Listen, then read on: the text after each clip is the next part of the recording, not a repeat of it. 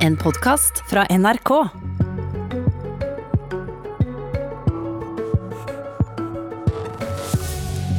I dag kommer en ny krisepakke fra regjeringa. Nå er vi over i en ny fase, fase tre. Og Erna Solberg forklarer hva tiltak hun vil innføre for å få landet på fot igjen etter krisa. Eh, Dagsnytt i dag kunne vi høre at regjeringa legger fram ei pakke for grønn omstilling på 3,6 milliarder kroner. Ei tung, grønn pakke som skal sikre at det kommer nye grønne arbeidsplasser, sa miljøminister Sveinung Rotevatn. Erna Solberg, hvor stor del av krisepengene er det som skal gå for å sikre ei grønn omstilling? Det, eh, det, er selvfølgelig sånn at mange av krisepengene går til å holde liv i arbeidsplasser. Det er prioritet nummer én. Eh, men når man skal gjøre, se på utviklingen i Norge fremover, så vet vi at skal vi holde liv i arbeidsplasser over tid, hvis vi skal ha et næringsgrunnlag eh, f.eks. i verftsindustrien, hvis vi skal ha et næringsgrunnlag for, eh, for vår eh, maritime sektor, så må det bli grønnere. Og Derfor er jo, selv om du ikke kan måle ting opp mot hverandre i penger, for det så er det viktig at vi stimulerer nå til ikke bare det vi skal leve av til høsten, men det vi skal leve av i 2030. At vi går, jobber med de teknologiene, den utviklingen vi skal ha som grunnlag for velferd velferdssamfunnet Norge blir også prioritert gjennom denne krisen. og Det er det vi gjør med de grønne pakken.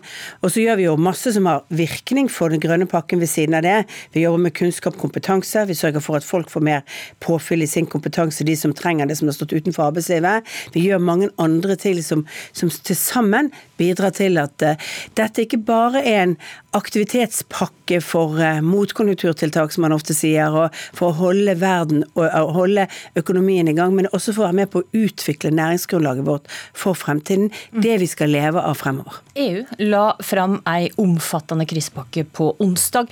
Hver fjerde euro, eller 25% av deira krisepakke, skal gå til grønn omstilling. Hvor mange prosent av Norge sine krisemilliarder vil gå til grønn omstilling? Vi regner ikke på den måten. Så må vi huske at EU sin pakke kommer på toppen av alle de nasjonale statlige pakkene som er i Europa. Og der går veldig mye av den typen tiltak som vi kommer til å ha nå. Men, Men vi, må, vi må, ta Nei, vi har ikke, vi har ikke, vi har ikke, regnet, vi har ikke regnet i prosent, for det syns vi er helt bortkastet. Vi må snakke om substans, tiltak og innhold. Hvilken retning det bringer oss fremover i. Og så kan vi ikke sammenligne på den måten du gjør. rett og slett fordi hvis du skal sammenligne hva som er viktig for et land som Danmark, så må du legge sammen den danske regjeringens tiltak med det de eventuelt skal, kan hente ut av tiltak fra EU, og det er det vi må sammenligne oss med i sammen. Men det viktige er jo at e Norge EU har bestemt at det skal ligge bærekraftskriterier til grunn for alle tildelingene de gjør, og alle kriselånene de gjør. Har de ja. vurdert det samme? Eh, nei, vi har ikke gjort det. Vi er opptatt av å berge norske arbeidsplasser. Vi er opptatt av å ta vare på kompetansen i det norske samfunnet. Og det er helt grunnleggende bærekraft. Det grunnleggende bærekraften er at folk som nå har stått uten jobb, får mulighet til å komme inn i jobb. Og Derfor har vi fem ulike retninger på de tiltakene vi har. Det er derfor vi har tiltak for å få folk tilbake igjen i jobb i denne pakken. Det er derfor vi har tiltak for å skape en grønn fremtid. Og det er derfor vi har tiltak for at vi skal også sikre at Norge får flere ben å stå på. Altså forskning, utvikling, kunnskap og kompetanse for fremtiden. Og så ikke minst dette med kompetanse for folk, Utdanningsløftet 2020. For den viktigste, eh, viktigste formuesverdien Norge har, det viktigste vi har, det er folk som er i jobb og som kan komme inn i jobb i fremtiden. Og da må vi ikke gjøre den formuen mindre. Det er å bidra i det norske samfunnet og sørge for at folk kan delta.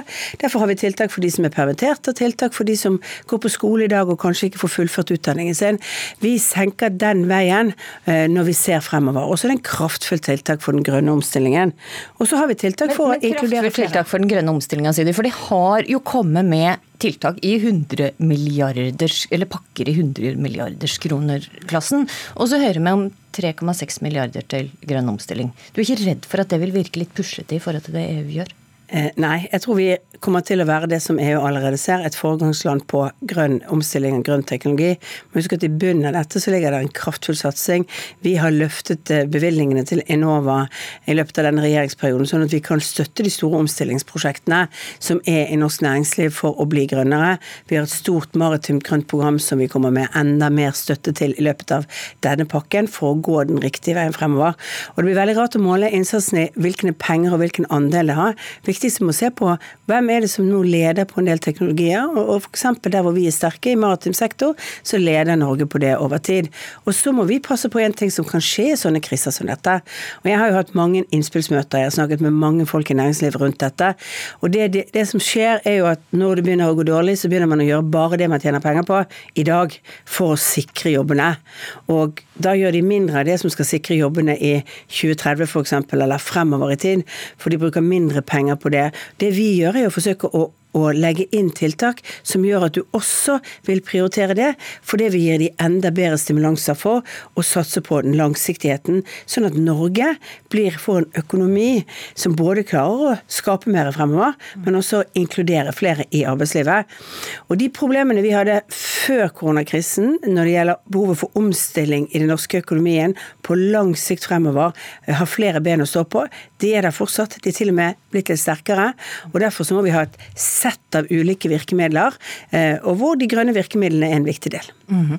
Holden-utvalget, ekspertgruppa det oppretta for å gå gjennom de økonomiske konsekvensene av koronakrisa, de anbefalte på onsdag at det avvikla ei ordning så raskt som uh, mulig, nemlig ordninga om kontantstøtte til bedriftene.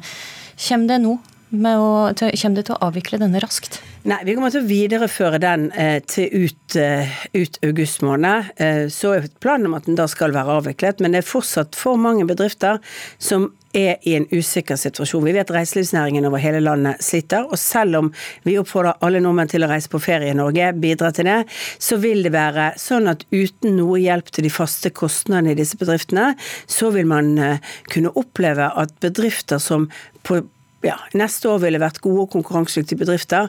Arbeidsplasser til folk hadde forsvunnet. Derfor så er det fortsatt viktig å ha det. Men, men det er viktig å avvikle tre måneder med å avvikle den når Holden-utvalget sier av, slutt med den ordninga så raskt det, det lar seg gjøre? Fordi at For noen næringer så er ikke krisen er endret. Det er veldig mye bra resultater. feil. Ja, det er veldig mange bra resultater i det norske samfunnet nå på at ledigheten går ned. Smitteverntiltakene er jo tatt vekk i liksom de mest inngripende for en rekke næringer. Men det er fortsatt næringer som sliter, ikke minst pga. den internasjonale situasjonen, pga. at turister ikke kan komme til Norge. Og vi må faktisk nå justere hvordan vi tar ting ut. Og så har vi sagt at vi skal ha en lønnstilskuddsordning som bidrar til at det som er den negative siden av, eh, av det, eh, av det Holden påpeker, nemlig at kraften i noen av de tiltakene vi har hatt, kan ha bidratt til at litt flere er blitt permitterte. Litt flere er ut, gått ut av jobb eh, fordi at bedrifter har blitt overforsiktige. Nå skal vi stimulere til at eh, de som hadde permitterte i går, eh, og tar de inn igjen, eh, de vil kunne få et tilskudd nå i de første månedene for å kunne bidra til at flere kommer tilbake igjen på jobb, og at vi kommer inn i en mer normal situasjon. Ja, for her har rett og slett regjeringa har skifta syn. De har vært skeptisk til en slik eh, eh, lønnstilskuddsordning, men nå går det inn for, eh, inn for en slik ordning som både Danmark og Sverige har. Hva er det som har gjort at det har snudd? Altså Forskjellen mellom Norge og Danmark har jo vært at Danmark har ikke har vår permitteringsordning, så vi har en annen inntektssikringsordning. Men nå er vi på vei inn i en annen situasjon. Nå er det for mange bransjer sånn at smittevernreglene ikke lenger er til hinder for at folk skal jobbe. Og så er det nok en økonomisk situasjon som gjør at det kan være vanskelig, at ikke kundene er kommet godt nok tilbake. F.eks. tilbake til reiselivsnæring, som er en av de som nå rammes mye. Da er, gir dette en ekstra stimulans for å få folk tilbake på jobb, at permitterte kan begynne å jobbe igjen. Men burde ikke det gjort dette for to måneder siden? Hvis dette var smart for å slippe altså Da kunne bedrifter hatt folk i jobb i stedet for å ha deg permittert? Men det ville vært rart hvis vi stengte bedriften av smittevernhensyn, og så sa vi at vi skulle ansette folk for at de ikke skulle gjøre noe. Og vi har jo en permitteringsordning som ikke andre har. Det å se rundt seg og så bare se der har de et tiltak, der har de et tiltak, og si at sånn er det, uten å se på forskjellene i hvordan landene har organisert andre tiltak, det blir veldig overfladisk. Veldig lite, eh, altså lite målrettet for det vi skal, eh, det vi skal gjøre. Nå er smitteverntiltakene for mange bransjer vekke, men for noen bransjer er det fortsatt smitteverntiltak som gjør at de ikke klarer å drive lønnsomt, at de derfor vil ha problemer med å få folk tilbake igjen på jobb til vanlig lønnsnivå. Det gjelder f.eks. Eh, veldig mange av kulturinstitusjoner og andre, men nå vil det være en mulighet for i noen måneder å ha denne typen lønnstilskudd, sånn at permitterte kan komme tilbake på jobb. Og man kan få gjort f.eks. mye eh, arbeid og planlegge godt for det som skal skje videre og møte kanskje de turistene som kommer og de nordmennene som kommer. Selv om aktiviteten kanskje vil gå for halv maskin, så kan man ha mer folk på jobb. Mm. Flere av krisepakkene det har kommet med tidligere, de har fått gjennomgå en stor forandring når de har kommet til Stortinget. Det har rett og slett blitt dramatisk utvida og langt dyrere enn det la opp til. Er du budd på at det vil skje nå igjen? Altså, vi vet jo at vi er en mindretallsregjering, og alle mindretallsregjeringer må forhandle for å få sakene sine gjennom i Stortinget. Det gjorde jeg i alle årene frem til vi ett år hadde en flertallsregjering. Vi får forandringer i budsjettene våre, vi får endringer. Så mener jeg at det aller viktigste vi nå tenker på, at dette at alle de tiltakene vi gjør, blir viktige for den langsiktige utviklingen av Norge. Det er vanskelig å ta ned tiltak. Eh, det er vanskelig å komme ned i en normalsituasjon eh, hvis vi hvis vi ikke bygger vekstkraften innenfra. Veldig mye av vår pakke nå dreier seg om å sørge for å skape mer, inkludere men, flere. Det ja, betyr at vi ruster folk for å komme inn. Du, du nå er budt på at dette kommer til å bli langt dyrere enn det du eh, legger opp til, fordi at eh, både Arbeiderpartiet og Frp og Senterpartiet skal komme med sine tiltak som de vil ha penger til. Jeg tenker vi skal ha gode samtaler om innholdet, og så må vi måle alle tiltakene om, om hvor god nytte har de. Og der er jo også Holden-utvalget en god gjennomgang av noen av tiltakene for å se på eh, hva er det som har effekt for de pengene vi bruker, og hva er det som ikke har effekt for de pengene vi bruker. Og Det bør vi også tenke gjennom at eh, det, ikke, det, ikke, det er ofte sånn når vi er alle, og det er ingen forskjell på opposisjon eller posisjon, at vi av og til blir glad i våre egne forslag, men, men eh, vi må også se hva er det som er effektfullt nå. Eh, ikke bare gjennomslag for gamle kjepphester. Og det håper jeg at vi klarer i Stortinget å få en god diskusjon rundt. Ok, Et kjapt spørsmål til slutt. Når du legger frem denne krisepakka klokka tolv, kommer det endringer i formuesskatten da? Eh, det kommer endringer som skal bidra til at vi stimulerer privat kapital fremover. Det hadde vi i, i, også i revidert nasjonalbudsjett. Det er nemlig sånn at det er ikke det mulig Det er ikke mulig å tenke seg at vi skal ha vekstkraft i Norge fremover uten at vi også tenker på at vi må ha privat kapital. Denne krisen rammer privat sektor først og fremst. Det er der jobben er tapt. Det er der vi må skape flere ben å stå på. Okay. Tusen takk, Erna Solberg. Så kommer jeg over til deg, politisk kommentator i NRK, Magnus eh, Takvam. Først må jeg bare høre med det. Veit du mer om innholdet i denne krisepakka enn det Solberg kunne fortelle her?